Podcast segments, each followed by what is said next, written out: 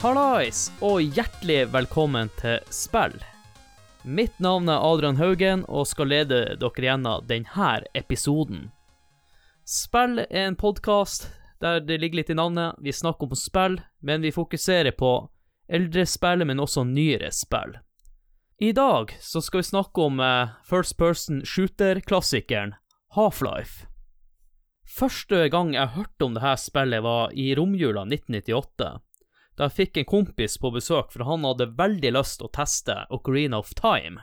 Men han fortalte også meg om et spill han hadde fått i julegave. Og dette spillet var på PC. Det var en sinnssykt god grafikk, smarte fiender, og ikke minst marinejegere, som jeg syntes var utrolig stilig på den tida, siden jeg var storfan stor fan av eh, filmen The Rock. Noen dager senere så dro jeg opp til han på besøk, og den grafikken der, det bare blow my mind.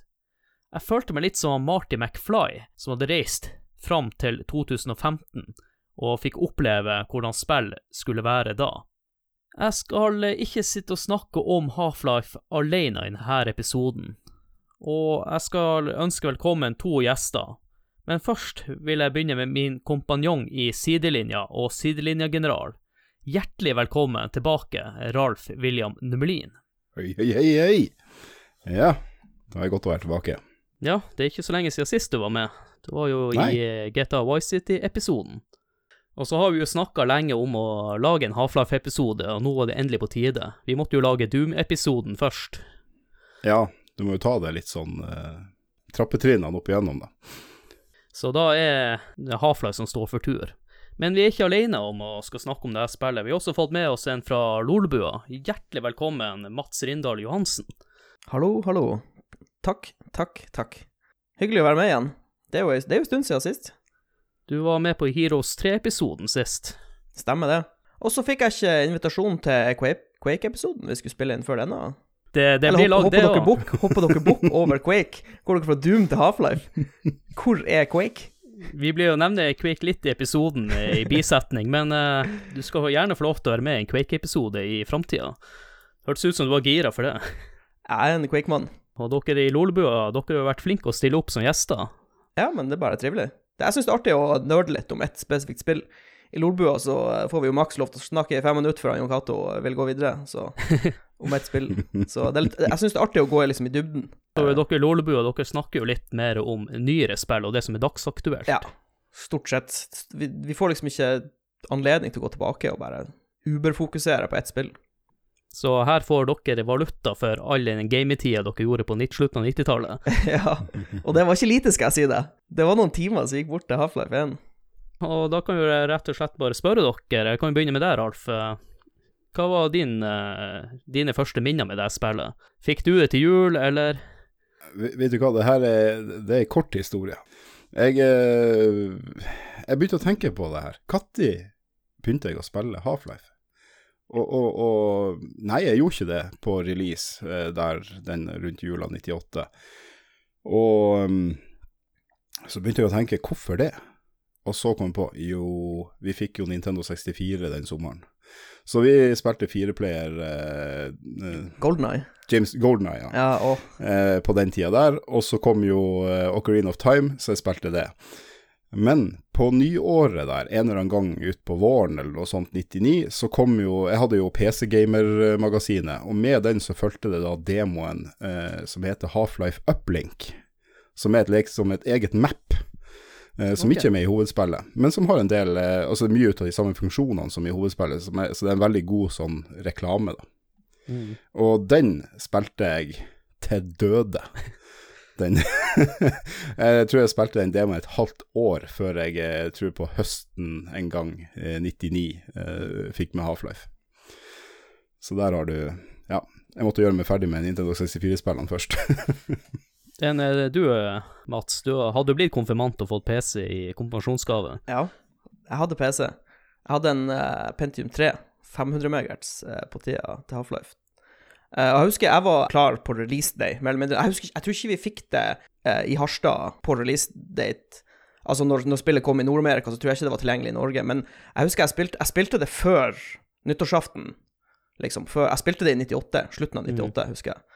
Uh, og jeg, jeg var jo Jeg hadde jo liksom kjøpt masse sånn PC-blader og fulgt med på Half-Life, liksom. Det var jo hypa som Ganske hypa, kan vi si. Godt over gjennomsnittet hypa spill. Så eh, jeg var, jeg var med fra dag én, liksom, på Half-Life.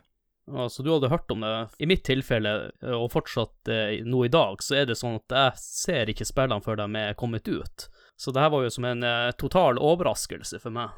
Det er noe som har endra seg der, for nå i dag så følger jeg ikke så mye med på spillene. Jeg driver ikke og ser trailere og sånn, jeg bare venter til de kommer, egentlig. Når jeg var yngre, så var jeg Jeg kjøpte masse PC-blader. Jeg syntes det var så artig å følge med, liksom, og bygge opp hypen liksom, til spillet.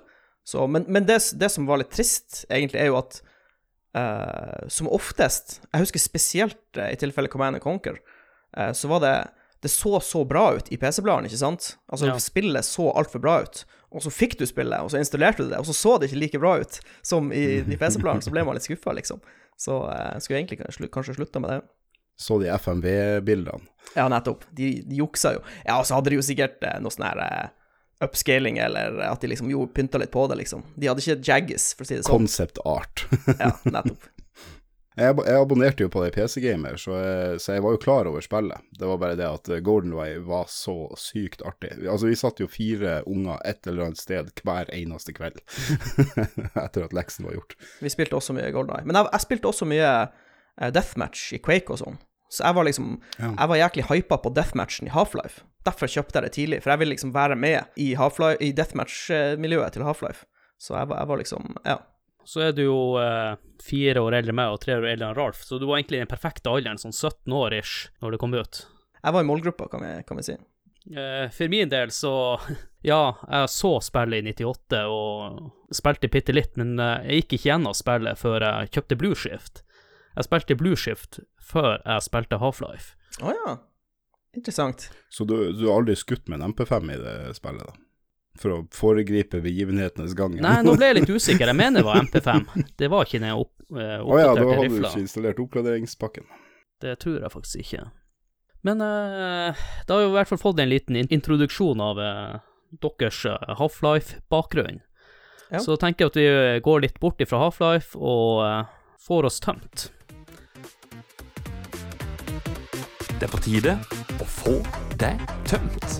I dag må jeg bare fortelle om hva som skjedde på butikken. Ja, du vet, denne øla her, den er så sykt god. Det spillet her er jo helt fantastisk. Hæ? Tuller du med meg? Har du ikke prøvd det? Sjekk ut denne TV-serien.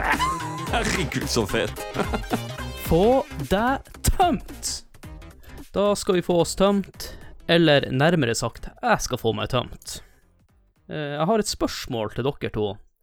Jeg bruker jo YouTube sinnssykt mye. Jeg bruker jævlig mye av den tida på å se på reklamer. Så i går holdt jeg nesten på å trykke 'abonner' på YouTube. 130 kroner i måneden. Og nå skal dere si til meg hvorfor jeg bør gjøre det. Eller abonnerer dere på YouTube, forresten? Nei. Jeg abonnerer ikke på YouTube på, på grunn av at jeg tror de har nok penger. Ja. Hadde, det vært et sånn, hadde det vært et lite sånn Jeg liker å, jeg liker å abonnere på og gi penger til ting som jeg føler jeg trenger pengene mine, og jeg tror ikke YouTube stiller i den kategorien.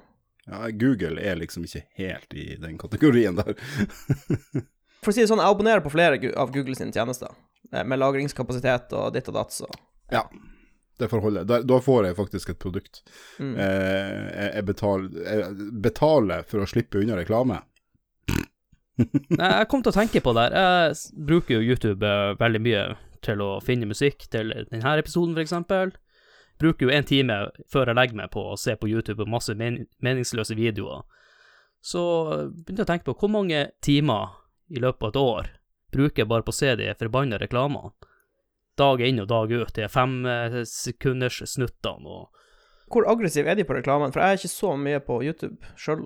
De har blitt mye mer aggressive det siste For jeg kan ikke huske at de har vært så hissige på grøten. Er det sånn at det kommer opp reklamer midt i videoen? sånn? Ja, ja. Ja, ja, flere ganger. Flere Ja, ja. Men, det, men det må du Det må han ut Han creatoren må, må Si fra, liksom, at her kan skru, dere ha skru det på, ja. OK.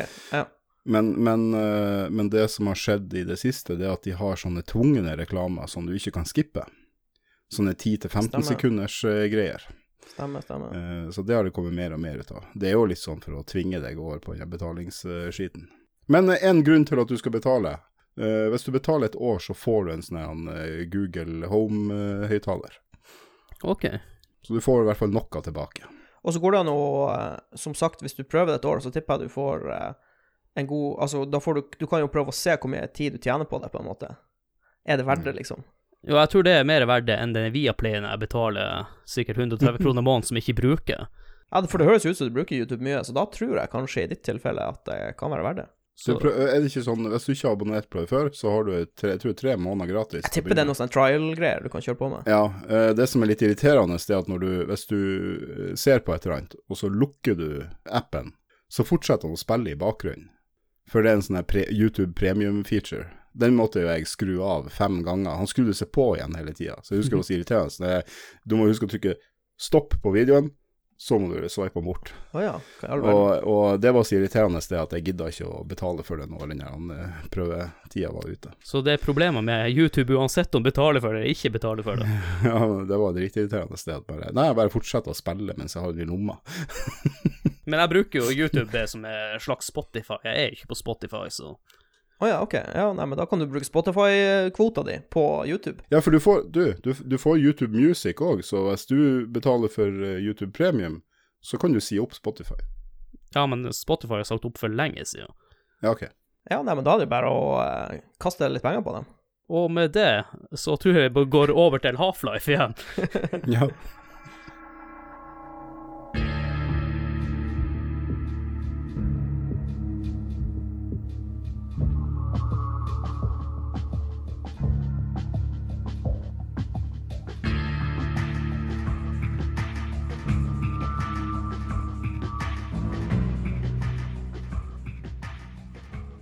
Da er det på tide å snakke om Half-Life igjen.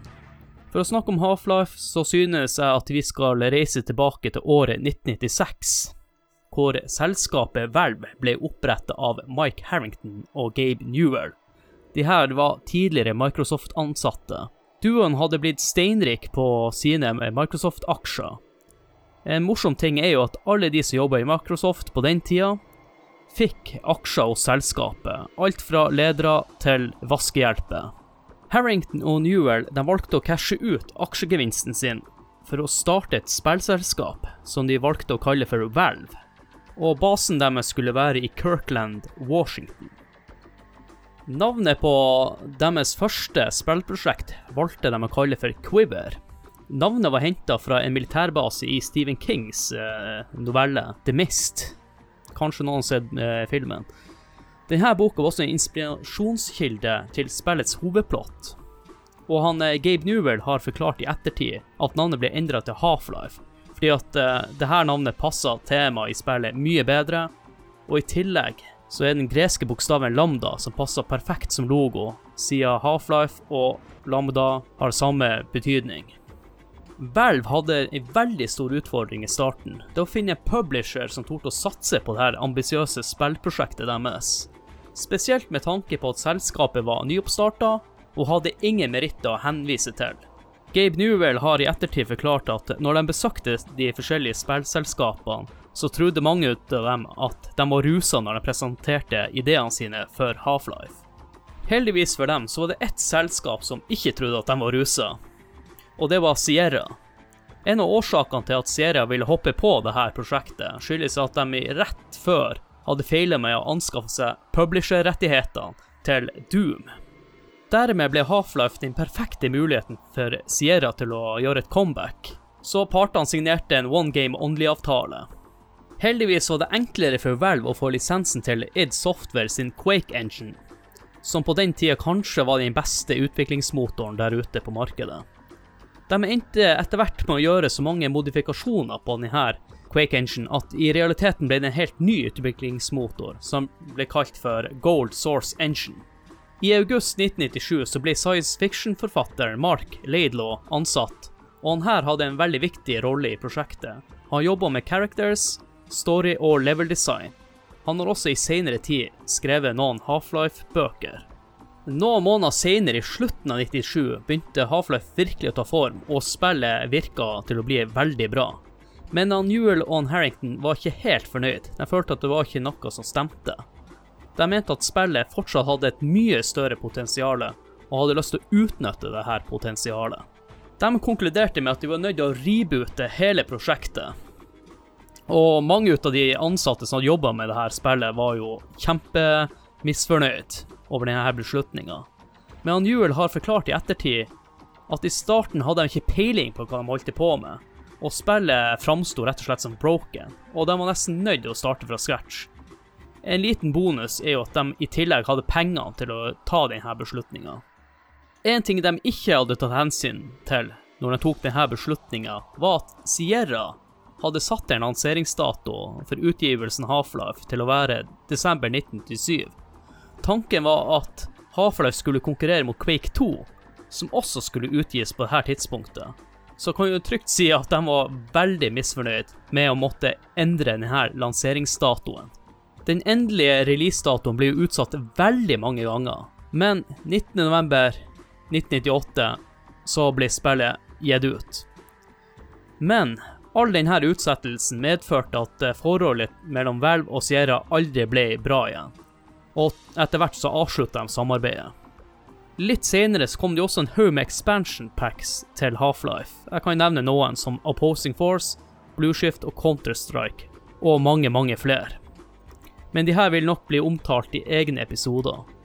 Half-Life var også revolusjonerende på en måte, fordi at det var det første spillet som hadde en CD-key-beskyttelsessystem for online gaming. Jeg er nødt til å ta med en liten fun fact på slutten. Det som er litt artig, er at Half-Life er Quentin Tarantino sitt favorittspill, og han har uttalt at han ønsker en gang i framtida å lage en Half-Life-film. Og da må jeg høre med dere, var det noe av denne infoen som var ny for dere, eller er det noe dere har lyst til å tilføye som jeg ikke har nevnt? Uh, ja, faktisk. Uh, jeg var ikke klar over at det Jeg syns det var artig at de hadde uh, Stephen King-novella The Mist som inspirasjonskilde. Og jeg så de var, Det var også nevnt en eh, episode av eh, science fiction-TV-serien The Outer Limits, som ligner litt på plottet i Half-Life. da. Jeg vet ikke om dere har sett, eh, lest boka eller sett filmen The Mist? Ja, kanskje filmen, tror jeg har sett. Ja, den er fra sånn midten av 2000-tallet. Den har en ganske mørk slutt. Ja, stemmer det. Jeg har faktisk sett den. Jeg kom på Ja. Nei, det er litt morsomt, for det har jo litt sånn med vesen fra en annen dimensjon som kommer over til vår dimensjon, og ja, det er jo uten tvil likheter. Jeg tror faktisk det er en eh, TV-serie The Mist på Netflix nå, som kanskje er basert på filmen. Ja, OK. Ja, nei, det har jeg ikke fått med meg. Jeg kan skyte inn også at um, den her CDK-beskyttelsen uh, faktisk uh, det, det het WON, WON, World Opponent Network, husker jeg. OK. Uh, og dette var før Ja. Steam kom, da. Så for å spille online så måtte du ha en sånn key, og så hadde de et eget system eh, hvor du brukte den nøkkelen. Eh, og Valve endte opp med å kjøpe tilbake VON og implementerte det i Steam. Sånn, og så det var liksom Vond og det CD-key-systemet til Half-Life var en stor del av Steam i, i starten av Steam, da. Ja, var det den der Valve anti-cheat? Ja, vekk, vekk, eh, ja, også, ja. ja. Vekk, ja. Stemmer det. det var jo også en, eh, en ting som dukka opp etter hvert. Ja. Eh, og så var det en ting til eh, eh, Jo, det var bare det med Quake Engine. Det, du har, det med Gold Source sånn, Altså, det var jo en tungt modifisert versjon av Quake Engine. Men uh, Quake Altså, det, er det som er litt interessant, er at Quake Engine er, De fleste skytespill i dag har jo DNA fra Quake-motoren i seg. Call of Duty har de også. Alle de her skytespillene har jo starta nest, mer eller mindre fra Quake Engine, så det er litt morsomt å, å se at det fortsatt i dag har spor tilbake til ditt, liksom. Eh, For der, Alf, var det noe nytt. Nei, det blir samme punktene. Eller ikke det med Quake Engine, den, eh, den hadde jeg fra før. Men uh, Og så litt morsomt at det var Quentin Tarantino sitt favorittspill. Jeg vet han også har lyst til å lage Han har også veldig lyst til å lage en Star Trek-film, faktisk. Så eh, enten så tror jeg vi får en Half-Life-film, eller så får vi en Star Trek-film. En det de to. én god Star Trek-film, for en gangs skyld. ja. jeg, vet du hva, jeg hadde, jeg, hadde, jeg hadde betalt gode penger for å se en eh, Quentin Tarantino Half-Life-film eller Star Trek-film. Uansett hva vi får, så er jeg klar. En Half-Life-film, jeg tenker det kunne jo vært en, eh, en slags form Die Hard. Det er jo det, på en måte. Ja, ja. OK, ok, ok. Hvis vi får en uh, Half-Life-film, hvem skal spille han Gordon Freeman, da? Jeg, jeg tenker det har ikke så mye å si, for han snakker jo ikke. Jeg tenker Hvis du skal ha Half-Life-film, så må du nesten ha uten av Gordon Freeman. du må lage noe annet. Du kan ha det fra synspunktet til en sånn sikkerhetsvakt eller en forsker eller noe sånt, og så dukker bare han Gordon Freeman opp i den drakten sin og knuser noe, head, noe eh, monster med crowbaren sin, eller Ja, Og så bare går han videre uten å si noe. Ja. Jeg har skuespilleren som eh, passer til å gå med smultring, Edvard Norton. Ja. ja. Jeg så eh, Jeg husker eh, visse Jeg så, eh, jeg så jo en Breaking Bad, eh, og da var det visse scener med han Bryan Cranston, han som har hovedrollen i Breaking Bad. Så tenkte jeg sånn, han, kunne, han kunne vært noen Gordon Freeman. Ja, en gammel Gordon Freeman. Ja, en litt sånn bitter, gammel Gordon Freeman. Ja, ja, det kunne vært eh, Eller han eh, Christian Bale. Ja, ja. ja. Christian Bale tror jeg kan spille alle i hele Ja, verden. han kan spille alt. Ja, ja. Han går jo så inn i rollen, det er jo helt sjukt. Men eh, vi håper i hvert fall at eh, han Freeman snakker, i hvert fall, hvis det kommer en Half-Life-film. Jeg tror det blir vanskelig å lage en film uten dialog. Ja, og så kan vi jo bare ta den eh, fun fact nå som vi allerede nevnte, er jo at han Gordon Freeman sier ingenting i spillet. Så har vi i hvert fall sagt det, da. Ja. Men det er jo en eh, liten ting jeg har lyst til å ta dere igjennom før vi snakker om eh, plott og storyen i spillet. Det er jo eh, hva som måtte til for å kjøre Half-Life på din PC i 1998. Det var det her kravene jeg henta rett fra eska til Half-Life. Mhm. Du måtte ha Windows 95 eller 98. På denne tida så hadde faderen min Windows NT, så jeg fikk ikke spilt det her spillet i 98. Det var også en grunn til at jeg ikke spilte det med en gang jeg kom ut. Du måtte ha en Pentium eh, 133 hertz, 24 megabit i ram. Megabyte. Ja, megabyte, ja. Det sa jeg tror også i forrige episode, jeg sliter med bit og byte, men eh, selvfølgelig 24 megabyte. Så har du dobbel speed CD-rom drive. Jeg vet ikke om det er noe spesielt. Ja, det er en CD-romspiller som snurrer plata dobbelt så fort. Ja. Han leser dobbel hastighet. To- 2X-speed. De siste CD-rommene før det var helt slutt på CD-rommet, det var sånn her 72. Det var sånn absurde hastigheter. Det var, det Ok, var, var ett merke som lagde det. Ja, og så var vi innom internett, da. Du måtte ha 32-bit Internet eh, Service Provide with 28,8 modem, eller lokalt nettverk. Det her var her amerikanske eh, data. Eh, 28,8 kilobit modem. Eller kilobyte. Det var kilobyte. Ja. Ja. Ja. Ja. KB. Ja. Og så var, jeg husker også på modem så var det noe som het baud. Det er baud rate. Var det det samme som bitraten? Nei, du har bit, byte og baud. Ja, ok.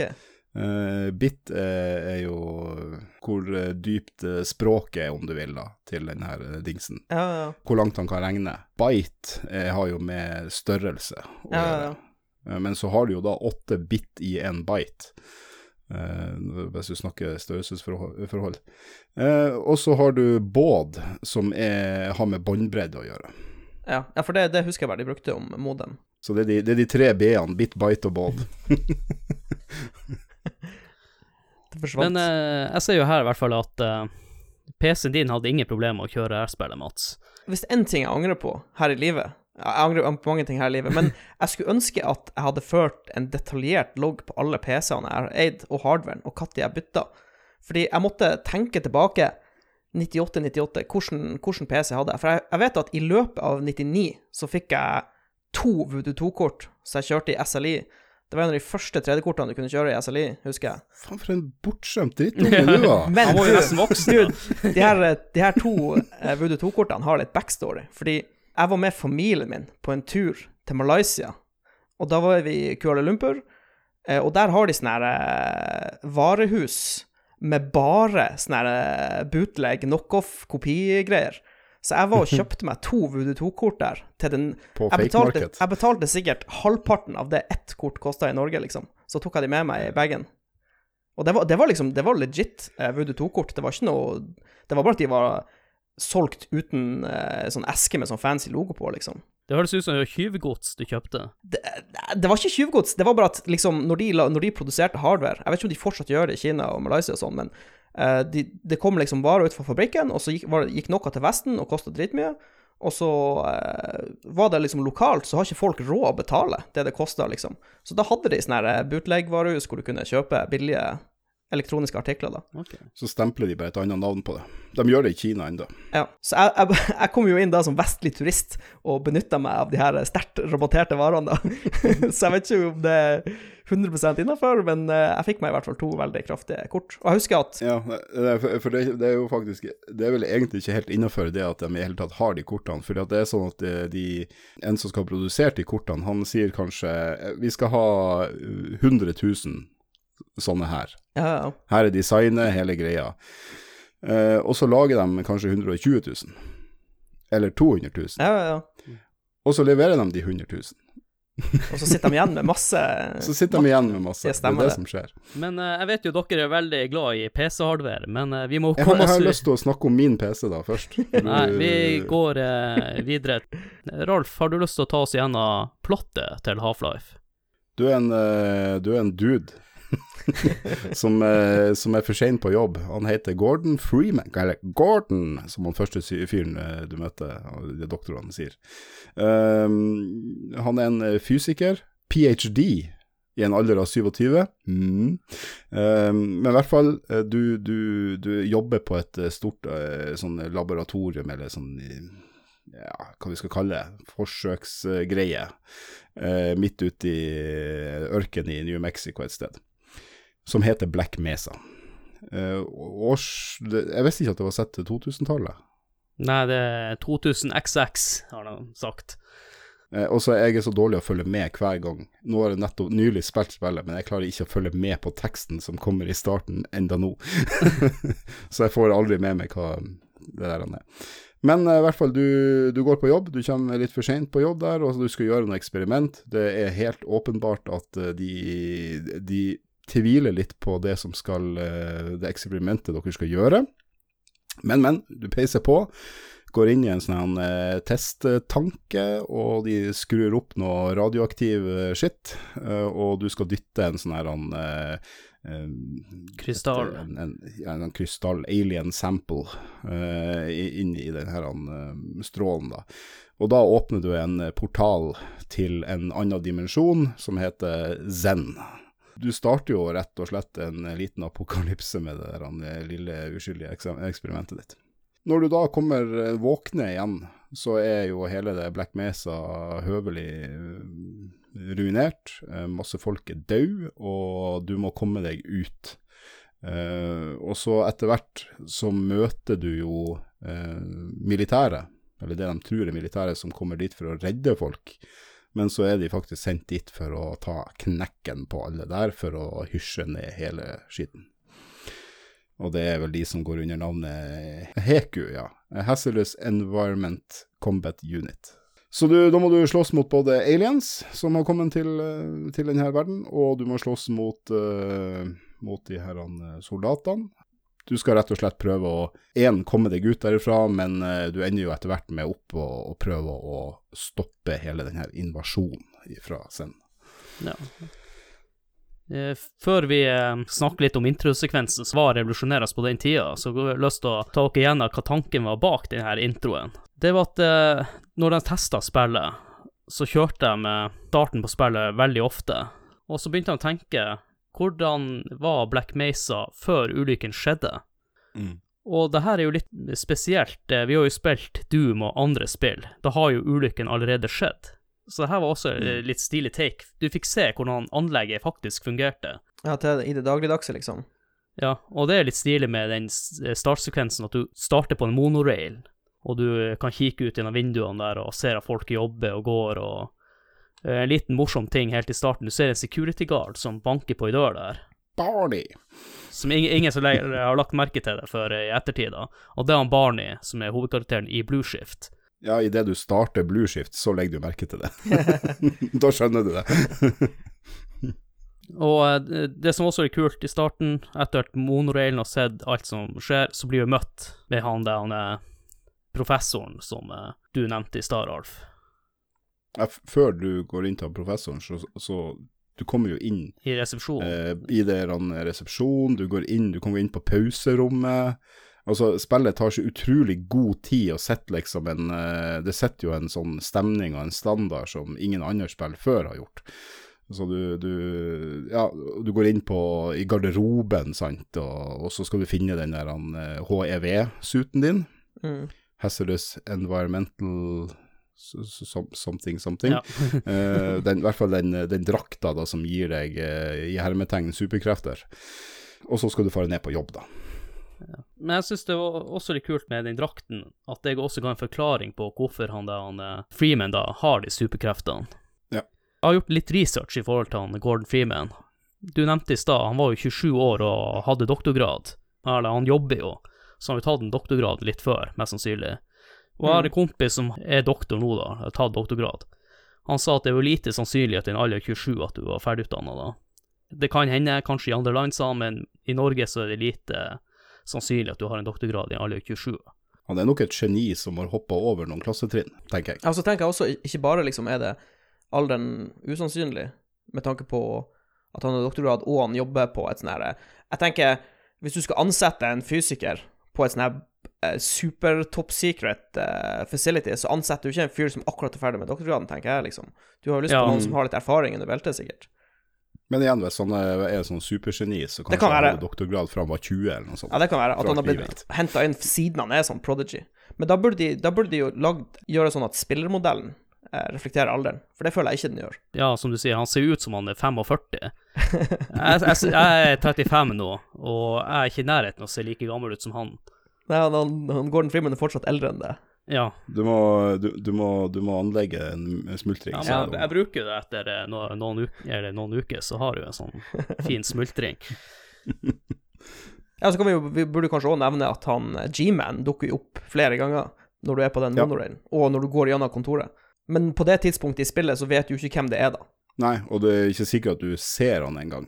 Han, du, han, han er jo flere ganger opp gjennom spillet eh, til stede, men eh, det er ikke alltid så at man legger merke til Jeg vet at han, eh, når du går gjennom kontoret før eh, eksperimentet, så står han og snakker med en fyr bak et sånn vindu, i et sånt lukka rom. Så hør, du klarer ikke å høre hva de sier, men han står og snakker med en, en vitenskapsmann, liksom. Så han- er Det går an til å se han.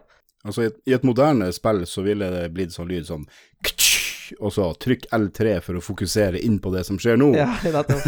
Og så er det sånn slow-mo, at du liksom snur deg. Ja, og sånn så bare, slow-mo, for «Å, du skal se bare, han Ja, her er noe du må få med deg. Ja. Men, men det som er kult med den introen, er jo at uh, de gir belønning for noen som har lyst til å teste ut spillet en gang til. Det blir liksom når man ser en film, Ja. for eksempel Inception og sånne ting, så det er kanskje noen detaljer du ikke legger merke til første gangen, men andre gangen så Mm. så legger ja. merke til dem. Så det gir litt belønning til folk som uh, tester ut spillet flere ganger. Eh, en annen ting jeg har lyst til å ta fram, han Gordon Freeman har jo den smultringen og briller, men på den første eska, ut, utgaven av Half-Life, så har han ikke briller. Ah, okay. Nei, brillene kom de på, brillene kom de på Så det er lesebriller, med andre ord. ja, det er sikkert. Enten det, eller så har det blitt eh, håper å si 40 år eh, i, i tidsspranget mellom de to.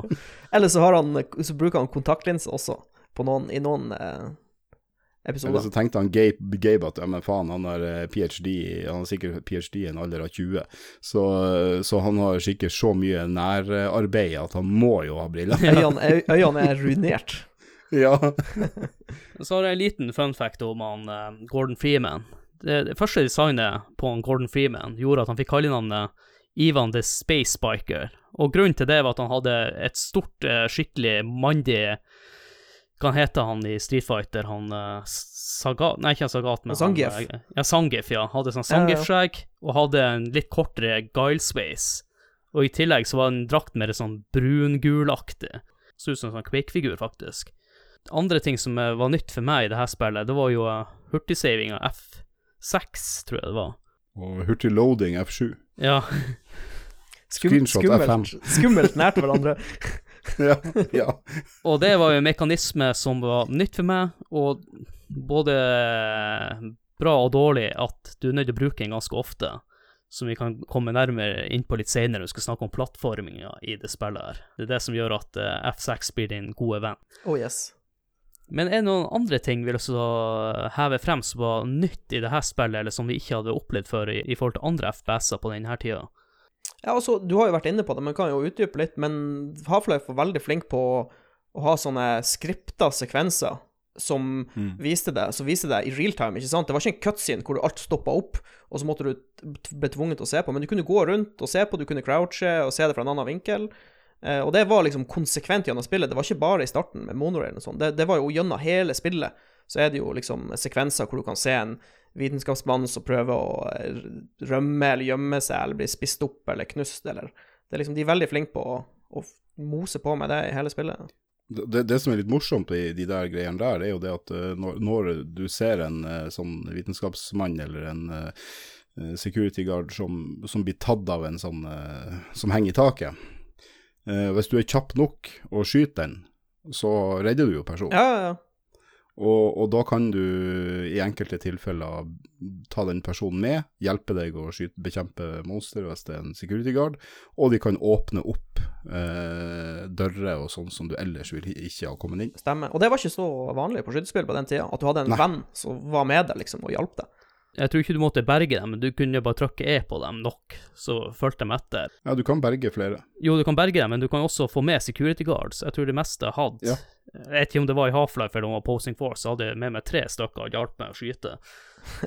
Men eh, ulempen er jo at de kan skyte deg òg, så du kan jo bli drept av dem. Ja, for hvis du springer foran dem, så, og det er en fiende der, så blir det jo å skyte. Det blir ikke å stoppe å skyte. ja, Og det er friendly fire. Ja. Og så var vi inne på det i stad. De, de var veldig flinke spillere til å kombinere skytinga, plattforming og puzzles. I Doom og sånn så måtte du lete etter sånn eh, Det er nøkler og sånn. Mm. Mens her var det mer du måtte prøve å finne en måte å komme deg ut derifra. Ja, det var gjerne med sånne her, eh, litt mer sånn mekaniske puzzles. Du må liksom, Det er noe som blokkerer noe, eller du må tenke litt Ja. sånn ingeniøraktig, på en måte, for å, for å komme deg ut av rommet. Liksom senk, senke vannet, eller øke vannet, eller liksom Det var ikke bare å finne en rød eller blå nøkkel, du måtte faktisk analysere situasjonen. Og så var jo kanskje det spillet litt mer eh, on a rail, hvis man kan si det på en måte, enn eh, de andre spillene på den tida. Altså, det er jo en ganske cinematisk opplevelse, på en måte, vil jeg si. Mm. Altså, du, du må jo følge retninga til spillet, men det er jo noen av brettene som er ganske åpen med at du kan nesten gå deg vill, og så må du komme tilbake igjen og orientere deg. Og, ja. Men det er en viktig ting som vi ikke har nevnt ennå. Det er jo noe de innførte som er kanskje mange irriterer seg over i ettertid. Det er jo knusing av crates. ja. Det er jo ikke, det er ikke sånn at du er nødt til å ødelegge Nei, nei, men, men, eh. men det ligger Det er jo det som er at hvis du har lite liv, lite uh, av en eller annen ammo, så er det en eh, god sjanse at det er noe i de kassene. Så da, man blir jo litt sånn at du, at du Som i veldig mange moderne spill hvor du ja, For eksempel et eh, GTA, hvor du går og gjør alle de meningsløse oppdragene. Her får du å knuse alle de meningsløse kassene. Bare i tilfelle det ligger noe eh, helse eller ammo der, liksom. ja, eller sånn batteri Ja, til til drakten. Ja. En fun fact jeg å ta om de eh, professorene du kan ha med deg, og de security guardene. De professorene, det er bare tre, nei, fire forskjellige ansikter på dem. Så alle ser jo nesten peise like ut. Ja, i den opprinnelige versjonen. Men enda verre med de security guardene, der er det bare ett ansikt til alle security guardene.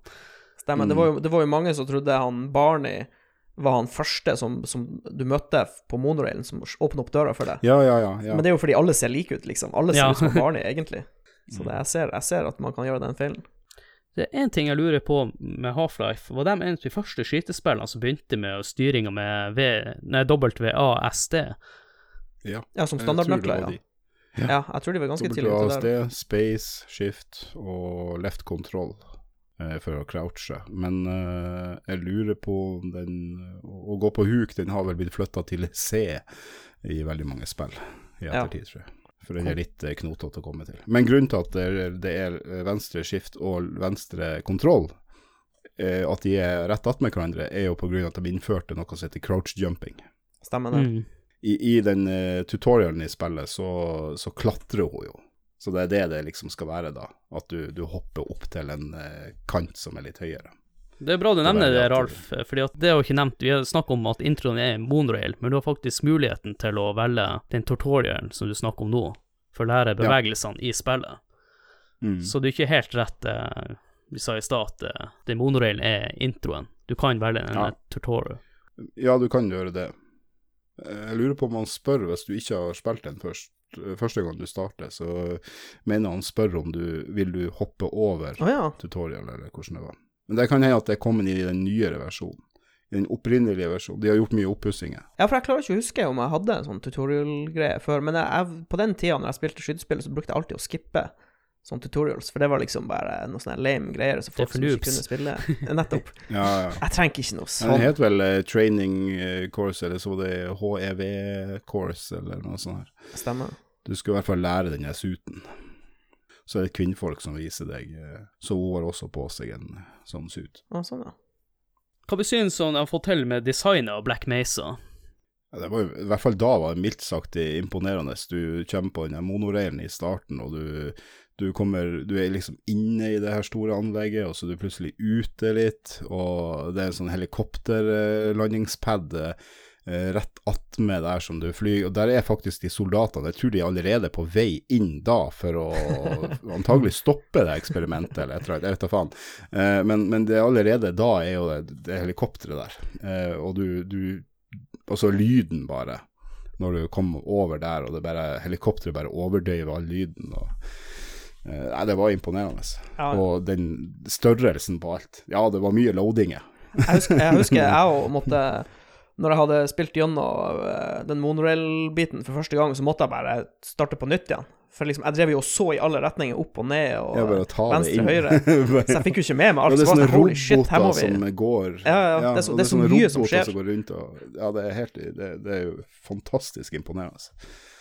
Og det skilte seg også veldig mye ut ifra de andre FPS-ene jeg har spilt, som eh, Doom og Duke Nukem. og det er også en annen ting som jeg syns er veldig fascinerende med spillet, det er jo hvordan de klarer å eh, fortelle storyen på, hvordan spillet utvikler seg etter hvert. Du, kommer Ja. du får se en vanlig dag, du får eh, oppleve forsøket går til helvete, og bare introen der med at den lærer deg at det første fienden du møter på, kan du dodge, men til slutt så møter du på en sånn der headcrap eh, crap, men head crab. zombie, der du, som du er nødt til å drepe med crowbaren. Stemmer Og det er jo også et uh, kult våpen som ikke hadde sett før i et spill. Og det var jo også litt mer logisk forklart at du kunne finne et brekkjern. Ja, jeg tenker liksom i, i eh, Quake hadde du den der øksa, liksom. Så det gir jo mening at, eh, at du ikke har et faktisk uh, våpen, men Mm. mer et verktøy som du bruker som et våpen. Så det var, og det er jo blitt ganske ikonisk, da. De har, jeg føler de lykkes ganske bra med det brekkjernet der. Ja. Det, det har blitt værende. Ja, en annen kul ting er jo i spill at eh, ammo og sånn lå stort sett på plasser der det kunne være logisk at ammo lå, i forhold til Doom og de spillene der du måtte finne inn i en skjult vegg. Her lå var det i et weapons room. Eller så ligger det en død sikkerhetsvakt et, Ja. langs veggen, liksom, og så kan du plukke opp våpnene hans. Men det skjer at du finner inni kassen òg. Ja. Men det kan jo bortforklares med at det var eh, noe logistikk. Ja, det kunne vært en shipment til uh, security guarden. Ja. Den kassen skulle jo åpenbart til uh, en annen plass, men jeg skjønner feil her. Han skulle, han skulle ikke være nede i kloakken. Og så en annen ting som jeg syns var veldig kult med spillet, som du nevnte i stad, Ralf, at uh, du slåss med forskjellige typer fiender.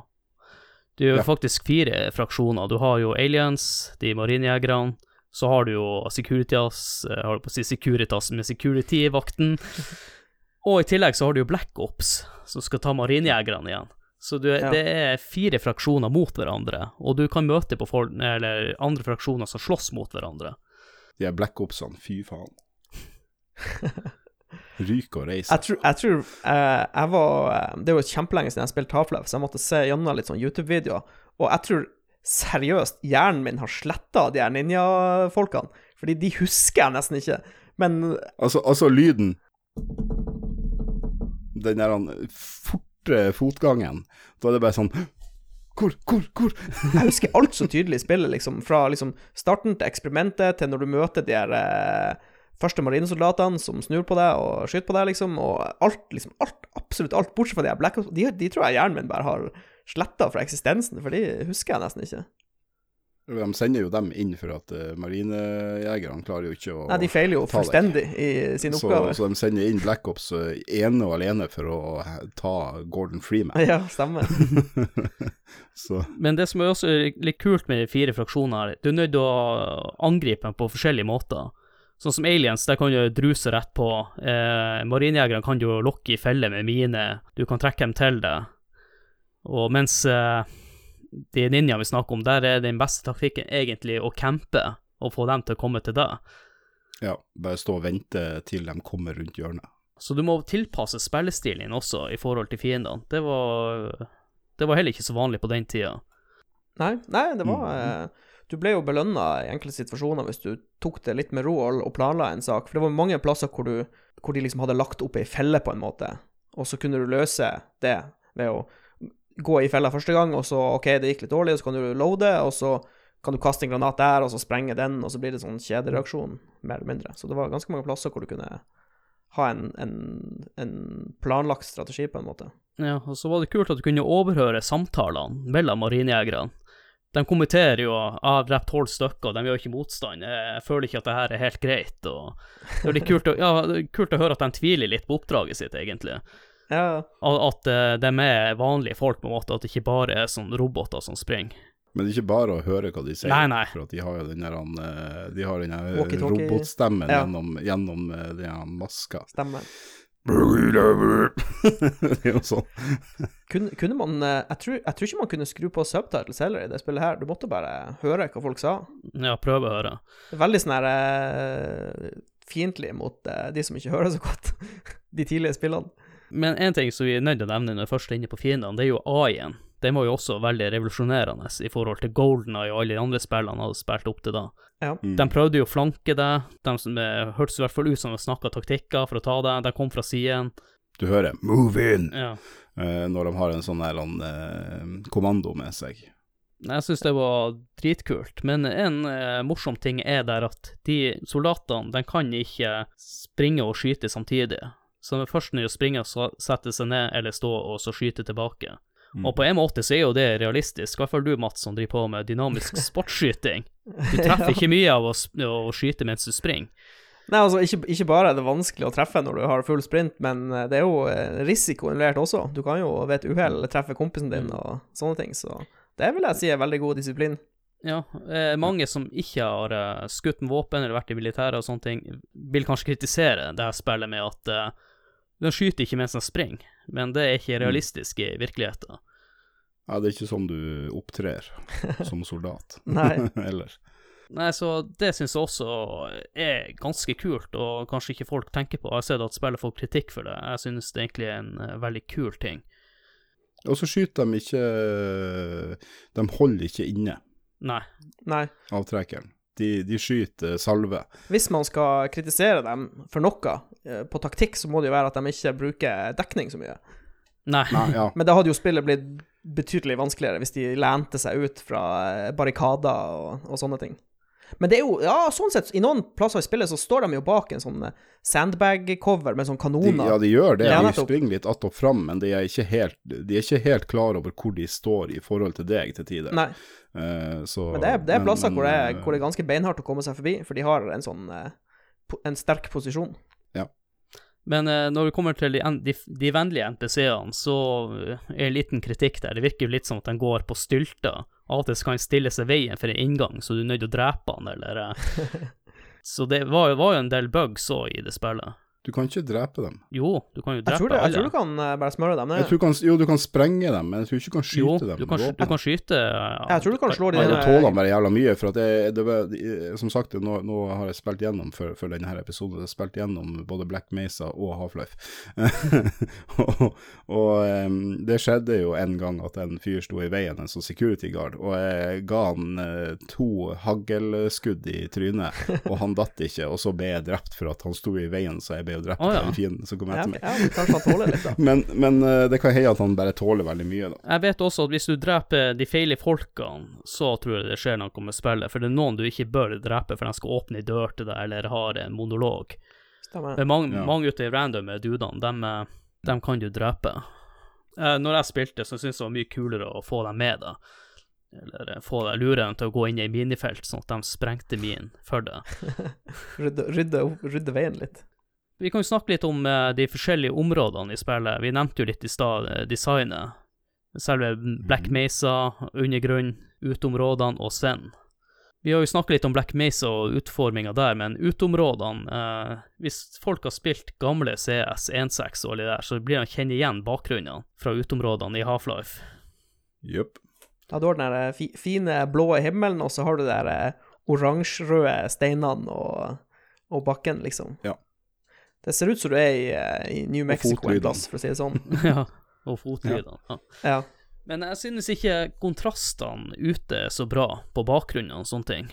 De har klart å gjort eh, Black Mesa veldig bra, og alt som er innendørs.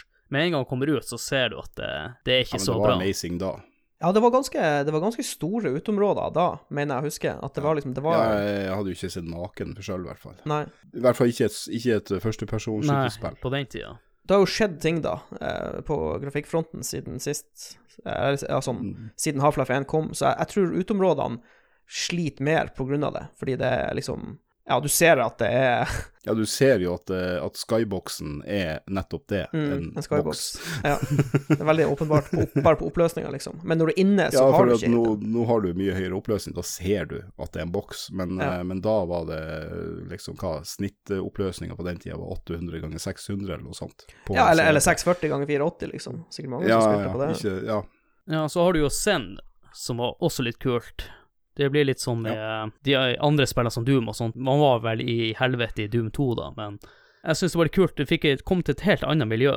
Spillet er helt mm. annerledes, og uh, gravitasjon er jo annerledes på Mm.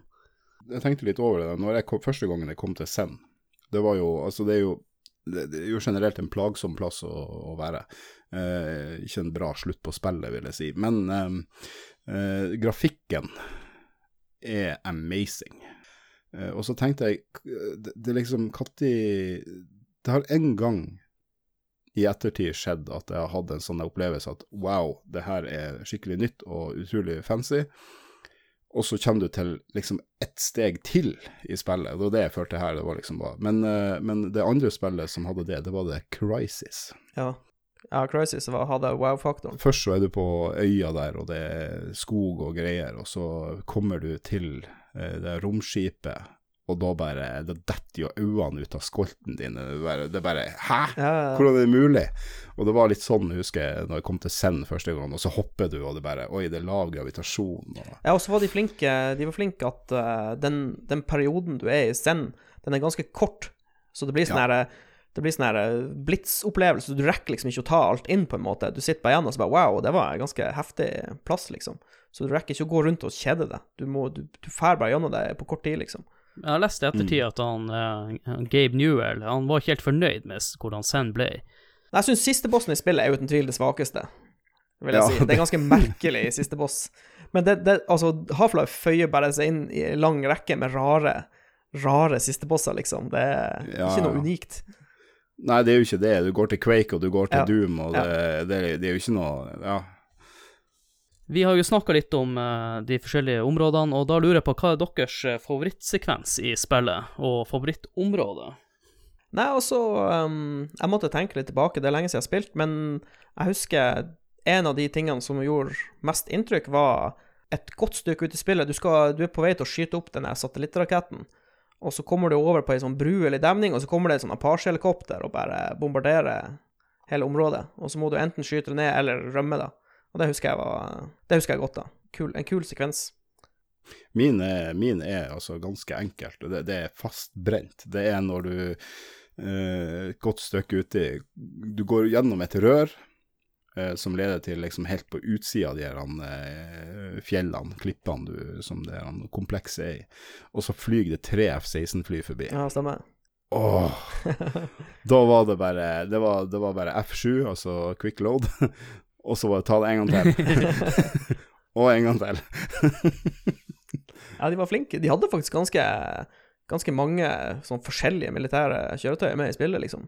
Du hadde jo stridsvogner og Den kunne skyte, men den sto jo helt i still. Ja, ja det var Ja. ikke sånn super, eh, superbanebrytende, men uh, de var nå med. Mm. Eh, For min del så er jo mitt hatområde er jo den jernbanevognsekvensen. Ikke fordi at den er så drit, men den er altfor lang. Ja, den er alt, alt, altfor lang. Og sånn generelt sett i Half-Life så hater jo alt av stiger i Half-Life. De suger jo baller å gå i. Det har ikke fått til stiger. Men litt av problemet, jeg har tenkt litt på det, liksom, også med tanke med, med jumping puzzles og sånn. Litt av problemet i Half-Life-motoren og Quake er at spilleren har veldig rask akselerasjon og veldig høy Ja. makshastighet når han beveger seg, så det er veldig vanskelig å gjøre sånne små finting. Plutselig så flyr Ja. du bare av kanten fordi du går så forbanna fort, liksom. Ja, og når du trykker så skal sidesteppe litt, Ja. så er det litt sånn «Woo!» Så flyr du, flyr du liksom av gårde. Du holder inne tasten i et par millisekunder, og så har du plutselig bare flagget syv meter eh, til venstre, liksom. Men husk også at det var sånn en sklieffekt nesten. Når du hoppa, så virka det som du drifta litt fram. Er det på grunn av det, egentlig? Det kan være det. det. Det var jo noen områder i spillet hvor de, hadde, hvor de gjorde det glatt på bakken, hvor den effekten ble veldig overdreven. Ja, hvis det er vann på bakken, så, så er det jo som is. Ja, stemmer. Uh, men men, men uh, altså det med, det med de stigene, det man må lære seg der, nå som jeg nettopp har gått gjennom det igjen, for at jeg bare husker at stigene var drit. Men uh, nå er jeg jo blitt smartere, så jeg du, Man skjønner høvelig fort at det der å, å komme seg løs ifra stigen, det er to Det er for det det som er problemet. Mm. Det er det som, eh, som gjør at folk sliter med stigene. Det er at du, du sitter fast i stigen når du først er i stigen. Ja, du hekter deg på stigen, på en måte. Ja, Du er låst er fast fast som en. Da- magnet. Ja, og det er to måter å komme seg Eller tre måter å komme seg løs på fra stigen, da, i praksis. Det, den ene er at du går, at du går til sides, sånn at du kommer utfor stigen. Mm. Da detter du ned. Den andre måten er å gå helt opp, øh, sånn at han går framover, eller gå ned helt til han forlater stigen. Altså du ser bort fra stigen, og så går du framover til du kommer ned til bakken, og da slipper han stigen. Den tredje måten, og den som da gjør at folk alltid dør, det er å trykke hoppeknappen. For da hopper han ifra stigen, og han får et ganske bra byks ut ifra stigen, som gjør at du detter ned i den gropa som du driver og går rundt. For det er jo alltid et her stort hull. Eh, og, og trykker du hopp noensinne, da dør du. Ja. Hver eneste gang. Ja. Og så er det jo noen områder i spillet hvor du, hvor du er inne i den store tanken med de eh, tre gigantiske tentakelarmene som prøver Ja. å knuse deg, Ja. hvor du må være så stille. Og da skal du gå i stiger og være stille. og det er ikke bare bare. Ja, nei, jeg bare hagla. Det er to haglskudd i den eh, klo- klobiten, så eh, legger han seg ned. Ja, okay, ja. Men vi skal snart snakke om bossene og alt det. Jeg, okay, ok. jeg har ennå ikke fortalt hva min favorittområde i spillet og sekvens.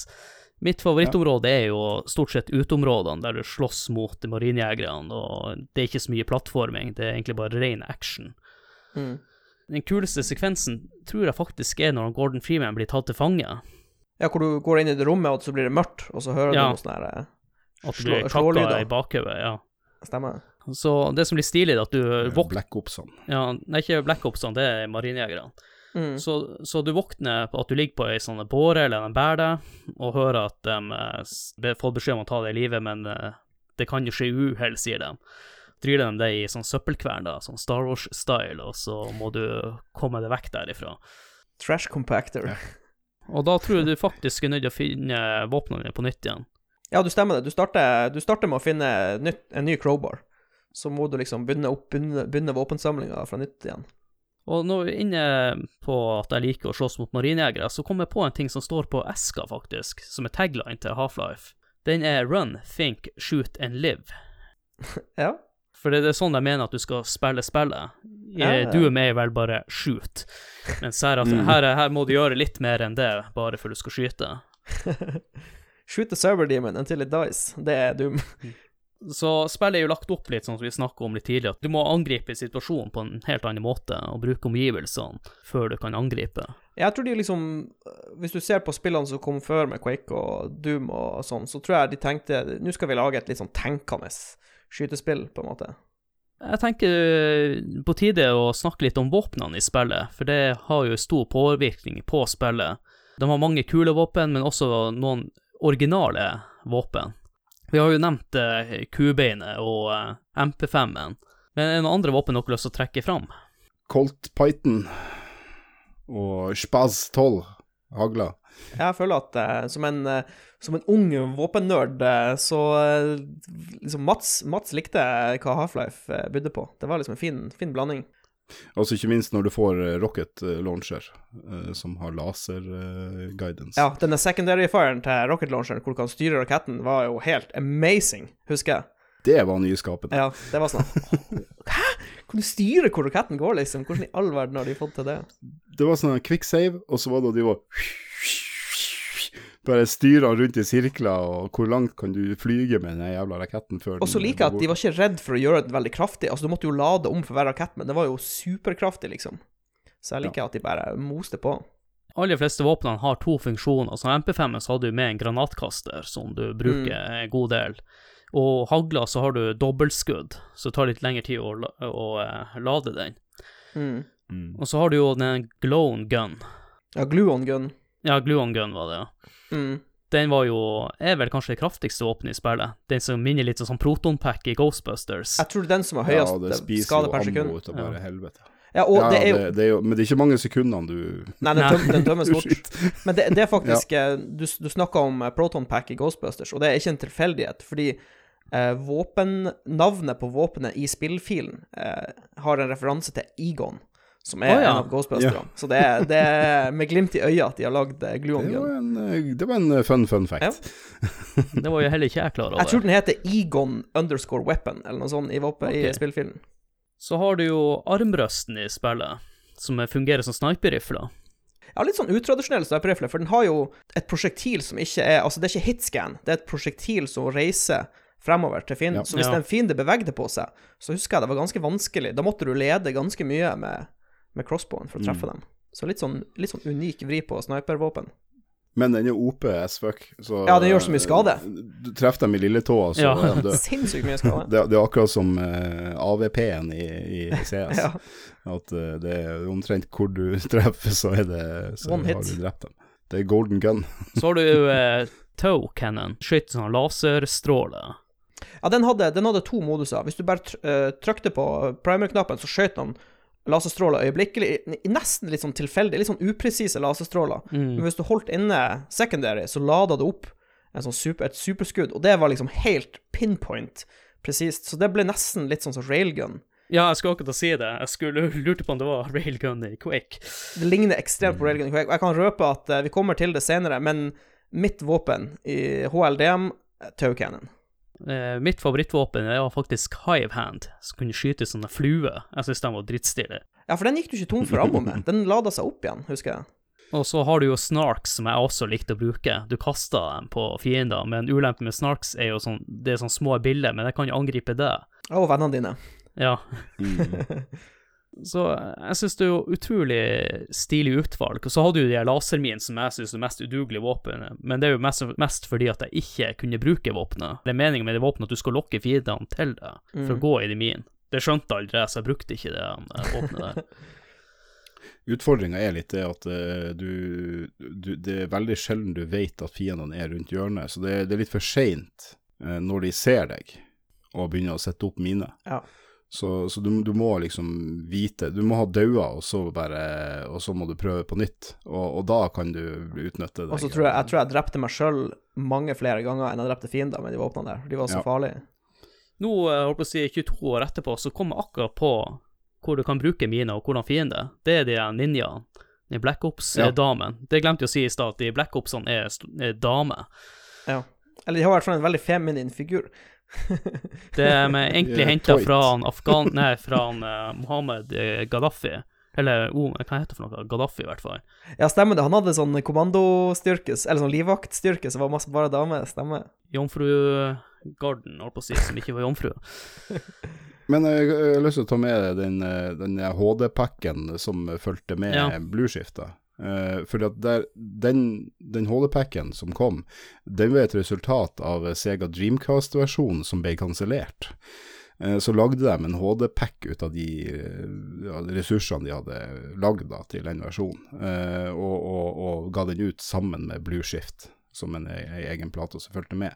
Og av en eller annen grunn da, altså De gjorde en del oppdateringer på modellene. De lagde vel flere modeller, jeg tror du har litt flere enn bare tre. Ja, og, og den ser bedre ut. Ja, de ser bedre ut, men uh, Marines uh, spørs Jeg vet ikke helt om de ser bedre ut, men, uh, men, eh, men eh, det de òg gjorde, det var at de bytta en del våpen.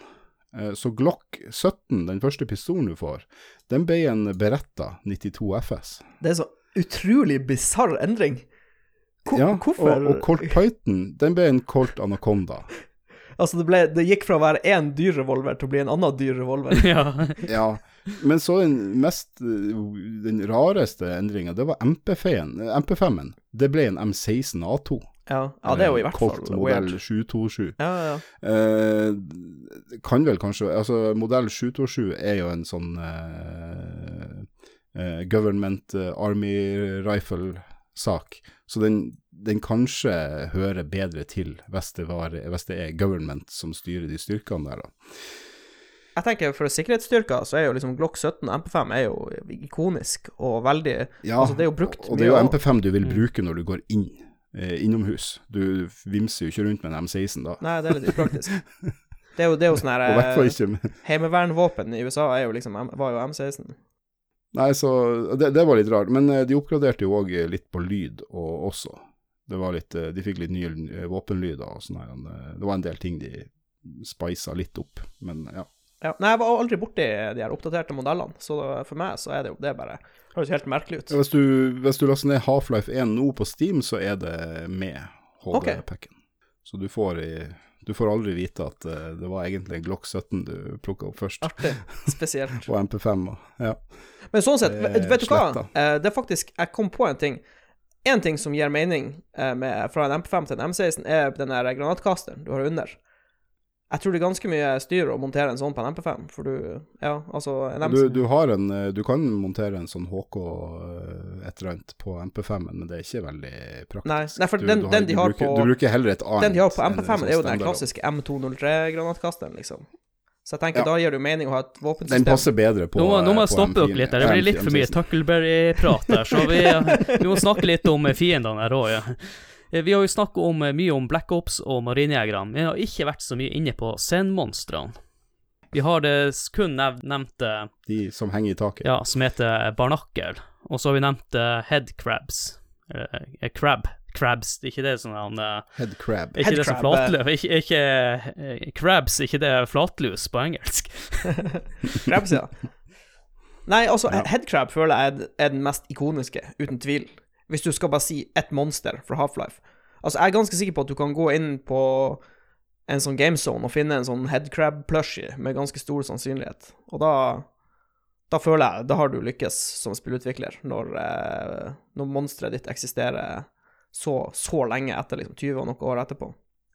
Men husker dere hva de heter, de, eh, de som var litt sånn brunaktige med sånn rødt øye? Det husker ikke jeg. Var. Det var jo, de var jo egentlig snille, på en måte. Det var, de var jo vennene dine, egentlig. De var jo de, den planetens sin type mennesker, da. Nettopp. De som kunne kommunisere. Ja, ja, ja. Så har vi den hunden som jeg kalte før, som heter Bullsquid. Den som lager sånn ladelyder. Nei, bullsquid eh, er den, eh, den som spytter sånn giftskitt. Var det det? Hva- Ja, den hunden heter Farken hva den heter? Jeg kan røpe at den, det offisielle navnet på de Bullsquiden er den her der krokodillelignende saken som, eh, som spytter sånn syredritt. Ja, de heter Bullsquid. Ja. Ja, det er det stemmer. Men, men, men hunden, den heter noe annet. Jeg husker ikke hva den Det offisielle navnet på de her brune karene med et stort rødt øye er Vortigont, kan jeg okay. avsløre. Ja, Vortigon. Det er formerly Altså, tidligere ble de kalt, bare kalt for slavene, eller zen-slavene, men eh, Mm. Ja, Vortigont er det faktisk. Ja, fordi de, de blir du mer kjent i, med i Half-Life 2. Stemmer det. De bygger litt mer ut, bygger litt eh, på det der. Ja, og så har du jo uh, Vi nevnte jo Grunton, som hadde fluevåpenet, Men så har du jo han der giganten, Gargantua. Ja, Gargantua, vet du. Åh. Det er skummelt når du har han etter det. Ja, det er han som jager deg først Ja. når du Ja. møter han. Ja, han er jo Han har gitt meg litt litt i angst. den demoen, eh, i den demoen Half-Life Uplink, så avsluttes demoen med at du, du har liksom kommet inn i et rom der og gjort noe greier, og så hører du den lyden der. Og så kommer han gjennom veggen eller noe sånt og bare dreper alle scientistene og alle som er i det rommet, og du står oppå en sånn plattform der, og, den, og så bare river han ned plattformen så du detter ned på bakken. Og så blir Så bare fader bildet ut. Og så bare More data needed. Men jeg må bare nevne en ting om de sceneskapningene. Det jeg også syns var kult i Half-Life, det er jo at de hadde design på de her som aldri har vært borti før. De fikk den til å se på en måte ikke ond ut. Den virka som det var bare skapninger fra en annen planet eller dimensjon, da. Mm. Det var ikke sånn at den virka brutal ond, de små hundene som ikke er hunder og sånn.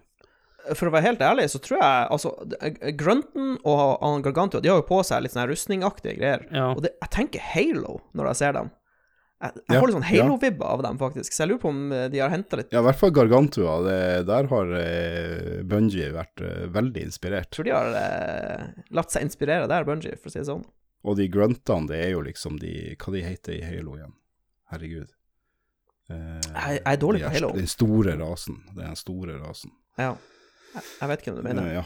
Men jeg syns uansett det var kult at eh, de fiendene ikke så sånn superonde ut som mange andre spill. Det her, her er sånn eh, Du tenker de her kunne kanskje eksistert, et eller annet. Ja. Og det, det gjorde at ikke jeg syntes spillet var så skummelt som eksempel Resident Evil, som jeg slet veldig med å spille alene. Altså, det skumleste i Half-Life var jo bare et par av de sekvensene hvor det er en sånn headcrab-zombie og dårlig belysning. Det er jo det som er liksom Ja. De, Og oppi ventene, altså oppi, oppi luftsjaktene i starten der, hvor du vimser rundt. Og, stemmer. Og så kommer det og det er en sånn headcrab eh, rundt, eh, rundt hjørnet. Og, og, den og du har liksom bare lommelykt. Du har jo lommelykt, det har vi glemt å Ja, si òg. Uh, vet ikke heller ikke om du hadde i så mange andre Skytespill. spill Nei, jeg tror det var nytt, det òg. jeg, jeg, jeg, måtte, jeg kom bare plutselig på Vi, vi eh, hadde jo litt sånne her ting vi ikke likte tidligere, og jeg må bare slenge på fiender som teleporterer inn bak deg. Det er ikke Ja. snilt. Det, det, må, du- det, det må du ikke ha med i skytespillet. Det er så slemt.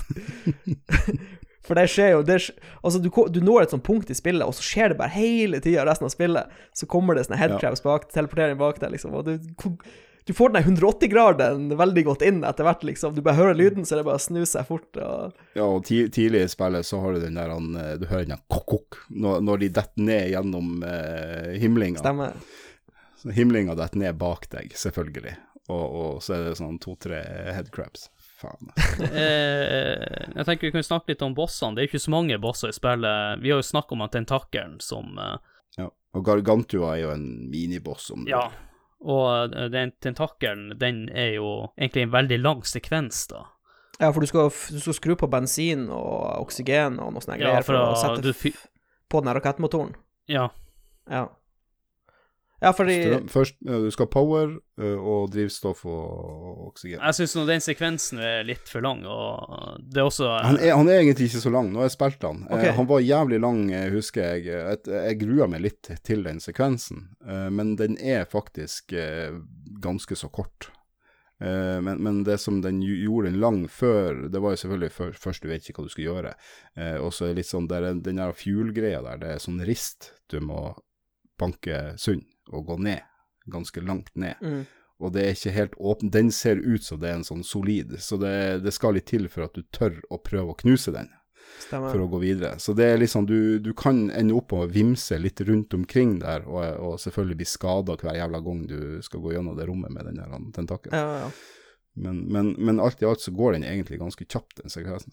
Jeg tror, jeg tror den tok lang tid for meg, for jeg var ikke klar over at du kunne skyte de her tentaklene for å få dem til å eh, ligge i ro litt. Så jeg for Ja. bare og sneik meg. Og så var det bare å loade, for, du blir- for du blir jo knust eh, når du blir truffet en gang av de her armene, liksom. Så jeg Ja. husker jeg brukte lang tid, for jeg måtte bare loade på nytt for jeg bråkte i stigen, eller noen ganger så slår han jo bare på tilfeldige plasser, liksom, også. Så eh, jeg tror, jeg tror kanskje jeg husker den verre enn det det er. Men vi har jo nevnt det, han Gargantuan som følger etter deg, men på scenen har du jo også en svær edderkopp som følger etter deg, i sånn sekvens. Mm. Men det der like, eller det som er morsomt med sceneområdet, det er jo det vi Half-Life-fans da husker minst. Det er sånn fortrengt minne fra Half-Life. Jo, men det, Ja. var, det var kort sammenlignet med resten av spillet, så var Zen Det gikk og veldig fort over. Og så er jo siste bossen en skikkelig letdown. Ja. Uh, så du, du, En stor du baby. Ja, for å si det sånn, jeg husker mer den der eh, bossen du tar før babyen. Den der, eh, det der edderkoppaktige dyret husker jeg mer enn siste bossen. Det jeg husker aller best fra scenen, det er å hoppe på de plattformene med den rare gravitasjonen. Fuck Ja, og de føltes bare som en dødsfelle, de her eh, trampolinene der. Ja. Men siste bossen, sagt, ja, det er jo en veldig letdown. Uh, etter du har tatt siste bossen, skal vi spare litt. Men jeg har lyst til å nevne en ting som jeg glemte i stad, når vi snakker om en G-man. Mm. Han G-man heter jo egentlig ikke G-man. Uh, navnet ble eh, gitt til karakteren fordi at modellen han bygger på, heter Government Man. Men i Half-Life 2 så er voice-actoren kredert med som Agent of the Unknown. Så G-man er noe fansen har gitt til uh, den karakteren. Det blir de uoffisielle navnene, tror jeg bare, rett og slett. Ja. Sluttsekvensen på spillet har litt lyst til at vi ikke skal nevne den episoden. Det får være den lille easter eggen for dem som tenkte å teste spillet. Vi har snakka om stort sett det aller meste nå, men vi har ikke snakka så mye om eh, musikken i spillet og valget av eh, når de brukte musikk, og voice-actinga. Det jeg også husker var litt kult med spillet når det kommer til voice-acting, det var at karakterene hadde mimikk. Det var heller ikke normalt at de bevegde på munnen mens de prata. Det var ikke veldig mye bevegelse. Altså, det, det var le leppen uh, flagra litt når de snakka. Eller hele hakepartiet. Kakk, kakk, kakk, kak. Men det var, det var nok på den tida. Men jeg syns jo litt eh, rar din stemme, for det hørtes ut som jeg prata inni en eh, silo. Ja, hvis du hadde på eh, E-aks-greia til eh, Creative Jeg hadde jo sånn Creative eh, Lydkort på den. Soundblaster et eller annet. Soundblaster Live, tror jeg det heter. Ja, jeg husker det. eh, som hadde EAX, altså Environmental Audio Extensions, eh, som skulle gjøre at du, du fikk eh, um, lydene som om du var i et eller annet rom, da. Så det, det, utvikleren måtte liksom bestemme at dette rommet her skal ut, benytte seg av bad, EAX-greia, da. Mm. Så da, sånn at du fikk ekkoet som om du var på et veldig stort bad. Men det var som regel altfor mye ekko. Så, så det er litt sånn opp til folk eh, om de vil ha det på eller av. I den versjonen som du laster ned i dag, så er det vel EAX på. Ja, jeg tror det er en del ekko. Men det er ikke så ekstremt. Det, to, det toner ned litt. Ja, ja, for jeg husker det var, det var mye sånn romklang. Ja, ja, det er romklangen der. Men hvis du, hvis du hadde den av, den E-aksen, da var det ikke så mye romklang. Da var det veldig sånn, sånn bomulllyd. Ja, det var veldig flatt, sikkert. Ja, altså jeg husker at jeg brukte å ha det på, Ja. selv om det var litt mye ekko til tider. Ja, og lydene bare til monstrene syns jeg virka realistisk, og vi har jo snakket om eh, marinejegere og alt det. I tillegg så syns jeg det var litt stilig med spillet at de, eh, du hører litt sånn ventilasjonslyder når du går i enkelte plasser inne på Black Mesa. Noen plasser er det helt stille, mens i skikkelige actionsekvenser så spiller de musikk. Så jeg syns det er en fin blanding med at det, det er stille, litt ventilasjonslyder, andre lyder, og så har du ja, musikk i noen sekvenser.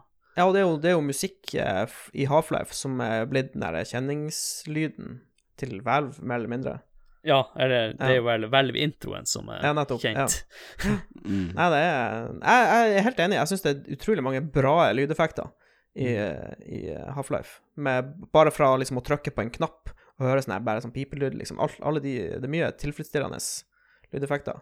Og mange av de lydeffektene har blitt ikoniske i ettertid. Dessverre så har ikke soundboard nå, for det er en, eh, lyden fra helsestasjonen og den for å lade opp drakten. Jeg kan ta den. Og så andre zi, zi. ja, ja. Det var han eh, Rolf. Hvis jeg skal, hvis jeg skal kritisere én lyd, så syns jeg MP5-en høres litt for mye ut som et maskingevær. Altså, det høres så grov ut. Det, det er sikkert derfor de endra det til, for at den, den passer mer inn med en M16. Ja, uten den tvil. Og så gårdlydene høres ut som du går med eh, freshe basketballsko på et eh, nypolert eh, holdt på å si eh, gymbelegg på gulvet der. Ja. Ja. Det er akkurat der hele tida. Det er litt for overdreven eh, gårdlyd, rett og slett. Ja, det er sånn for de som, de som eh, vokste opp og gikk på skoler hvor de hadde sånn linoleumgulv. Så når det var nybona, den lyden der Stemmer. Jeg hører den lyden veldig mye på jobb. For vi har så mye polerte gulv der. Og så har jeg joggesko på Ja. meg. Jeg har lyst til å snakke litt om de tilleggstingene som fulgte med eh, Half-Life. Det ene Ja. var jo multiplayer-delen. Jeg spilte nesten ingenting, men eh, jeg tror det var første år på videregående så fikk en kompis som flytta til byen, og han hadde PC hjemme hos meg, så vi spilte mye i en online-del. Og jeg husker i hvert fall ett brett som vi kunne aktivere en sånn atombombe. Hvis du ikke kom deg inn i bunkeren der, så daua du. Men det var ikke så mye spilt. Det var kanskje en annen DLC som kom litt senere, som heter CS, som skal få en egen episode i framtida. Så vi trenger ikke gå inn på det. Nei, jeg spilte, jeg spilte faktisk en del multiplayer eh, til Half-Life. Eh, og jeg har en liten sånn fun, fun fact trivia der. For jeg spilte mye eh, VG hadde noen eh, Half-Life Deathmatch-servere, så jeg spilte mye Å, på ja. de. Jeg husker ikke eh, hendelsesforløpet, men jeg ble med eh, På et tidspunkt så ble jeg med i klanen til han Rune Fjell Olsen, som da jobba i VG, som nå jobber i Level Up. Han hadde en Half-Life Deathmatch-klan som het PAX, eller Polar Apocalypse Consumer Services. Så ble jeg med dem og spilte i deres Half-Life Deathmatch-klan. Jeg husker det var veldig stas. Eh, men det som var litt trist, var at vi visste det ikke da, men når Half-Life Deathmatch kom, så, så starta jeg klokka. Og den klokka var juni 1999. For da kom Counter-Strike, og da døde Half-Life Deathmatch helt. Da var det Ja. helt slutt. Ingen spilte Half-Life Deathmatch etter det, dessverre. Men det var, det var stor moro den perioden det var aktivt. Jeg husker uh, Tow Cannon og Rocket Launcher var liksom de våpnene som var OP og var meta, på en måte. Men det var, det var stor moro. Så lenge det varte.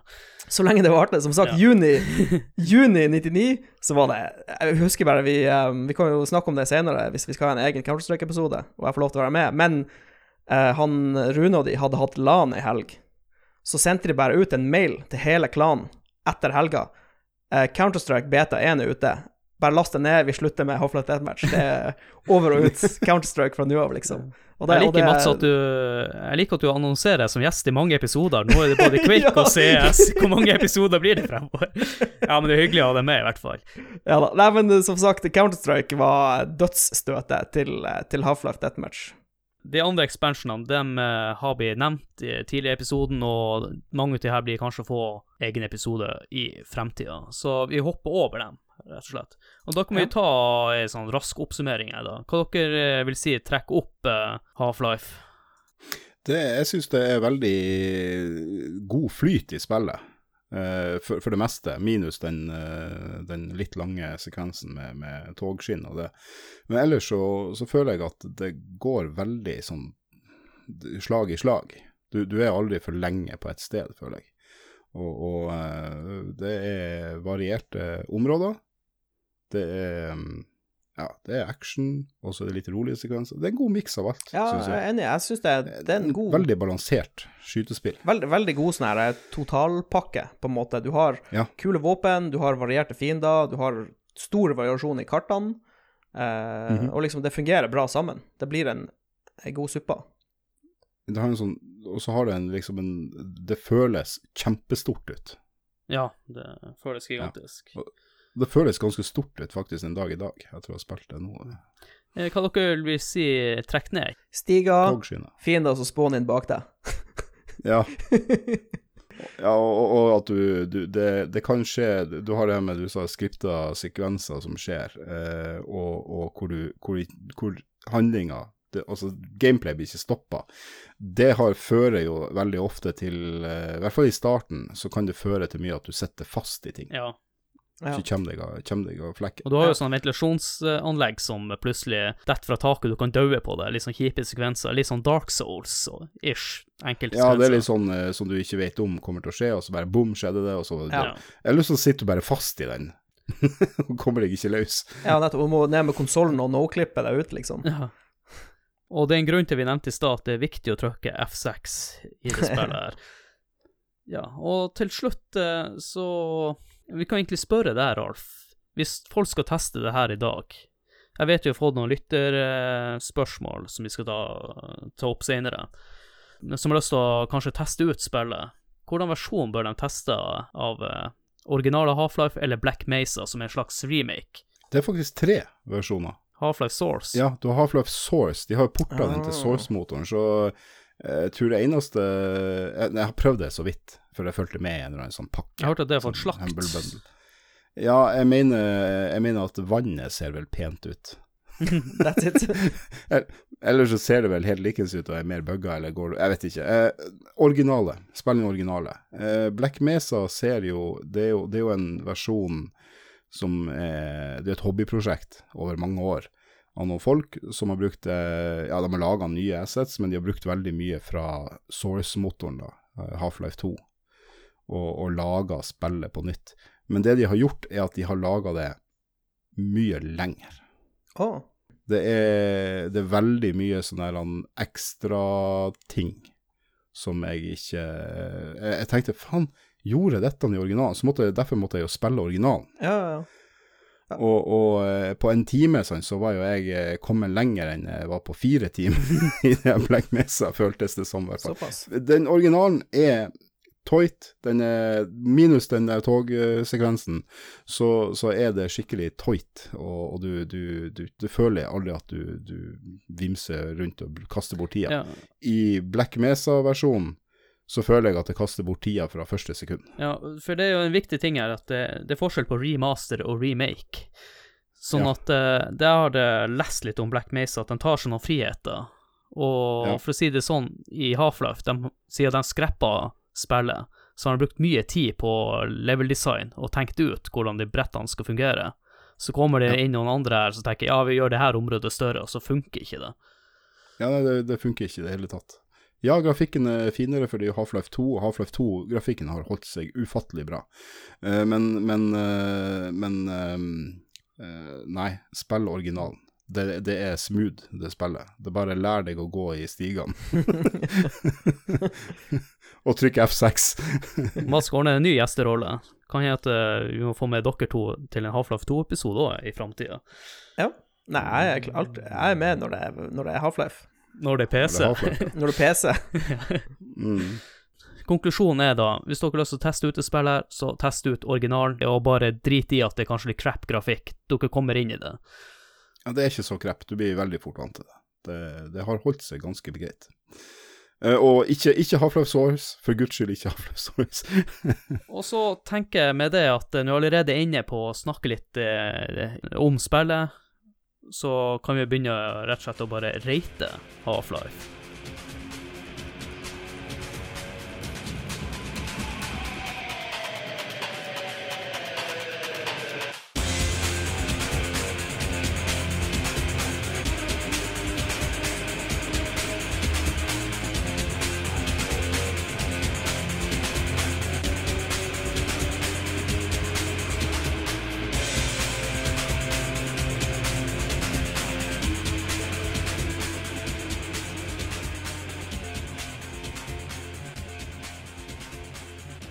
Da skal vi eh, gi Half-Life en rating. Vi bruker kriteriene fra Nintendo-magasinet og bedømmer spillene etter disse her punktene. Grafikk, lyd, spillkontroll, underholdning og holdbarhet. Og skalaen vi skal bedømme ifra er fra 1 til 10. Og Ralf, hva du vil gi grafikk? Uh, da så var det vel en nier. Jeg må, jeg, må, jeg må tenke litt samtidig. eh, Så kom jo Unreal, for min del. Så Ja. jo, Unreal var jo der i den tida òg. Det er vel en tier på den tida. Så jeg sier en nier. Du sier en nier. Er du Mats? Jeg vet du hva, jeg skal være litt streng og si en åtter, faktisk. Mm. Eller går det an å gi Cornelia åtte og en halv? Ja, da gjør du en 8,5. Nei. Vi har, vi har vært litt snillere med noe i det siste, sånn at uh... For, for, for grafikken er bra, men den var ikke Altså, det var ikke sånn I hvert fall ikke for meg da var det liksom mind-blowing. Det var, det var liksom Ja, det var bra grafikk, men jeg husker at jeg var bortskjemt av de her dustete PC-bladene. Så fikk det til å se mye bedre ut enn det det faktisk gjorde. Ja. jeg, jeg er faktisk nødt til å trekke dere litt ned, for vi må også bedømme grafikken etter eh, dagens tilstand. Så dere hold your horses, jeg skal ta okay. dere ned. Okay. Jeg, jeg gir det en sekser. Ja, OK. Ja. Så kompenserer litt Ja, for det deres dagens eh, Hvis du vil ha det i dag og da, så kunne jeg gi det en sjuer. Så du må, du må velge litt der. Men uh, jeg tar en sekser, så det blir en ni og en åtter og en sekser. Ja. Vi, vi okay. skal kjøre på Godtid-episoden vår i neste måned. Ja. Uh, neste er lyd. Eller jeg kan begynne. Jeg gir det en nier. Lydene er ikonisk, noe lyder jeg syns er dårlig, men stort sett ikoniske lyder. Det, Ja, musikken syns jeg er stilig, alt er stilig. Jeg slenger meg med på nier, jeg og Jeg syns òg det er et so solid lydbilde i, i Half-Life. Ja, der må jeg være litt streng, så eh, der gir jeg det en åtter. Ja. Eh, for at det, det er veldig mye av lydene som, eh, som piker. Det var kanskje by design, men det er ganske slitsomt å høre på når, det, når pistollyden er sant, Ja. hele tida. ja. Jo. Ja. Fair. Neste er spillkontroll. Eh, Jeg har lyst til å starte der. De revolusjonerte jo spillkontrollen til PC, og det i seg sjøl så vil jeg gi det en tier, faktisk. Ja, de satte standarden, tier. De er fasit. Det, det, er sånn vi, det er sånn vi spiller i dag. Ikke bare satt i standarden, men jeg husker at eh, i lang tid etter Half-Life så var den der keybinding-menyen var mer eller mindre identisk. Altså, de satte en helt absurd Ja. bra standard på keybindings. Så Ja. 10-10-10 på det. Uh, neste er underholdning, og da kan du starte, Rolf. Ja, en åtter. Å, det var noe lavt. Ja, det er slutten som trekker ned, da, tenker du? Ja, det er slutten. eh, Det, det, det er det der eh, midt i med toget, og så er det slutten trekk det ned. Ja. Men altså, åtte er bra. Ja, åtte er jo det er åtte av ti. Åtte er bra. Ja. Men, men, eh, men det, det er liksom Grafikken på slutten er amazing, men Send som helhet eh, er litt slit. Ja, jeg kan være snill, og jeg går inn med en nier her, for jeg syns Half-Life ga meg, det ga meg mye på underholdningsfaktoren. Altså, jeg spilte gjennom den flere ganger, og ja, storkoste meg. Så vi Ja, slenger for å- slenger i For å kompensere for den han, eh, åtteren til Ralf, så velger jeg å gi det en tier.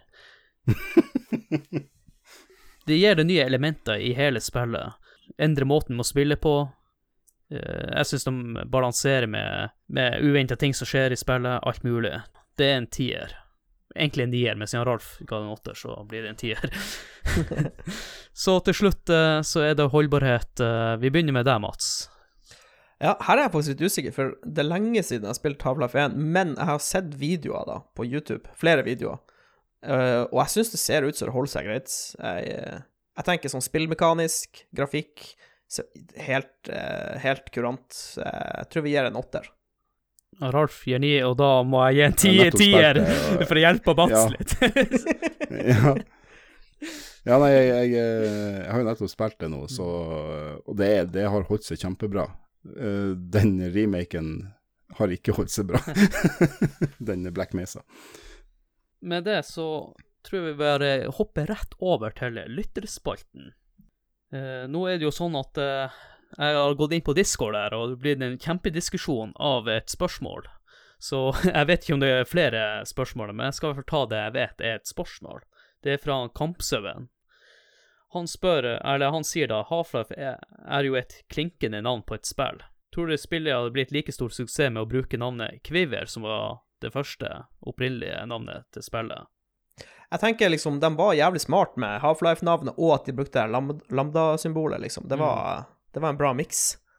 Så jeg tror kanskje at det hadde blitt et svakere spill. Ja, det tror jeg faktisk. Jeg tror det er bare med navnet, men det er jo innholdet, tenker jeg. Ja, jo, men jeg tror navnet har litt å si.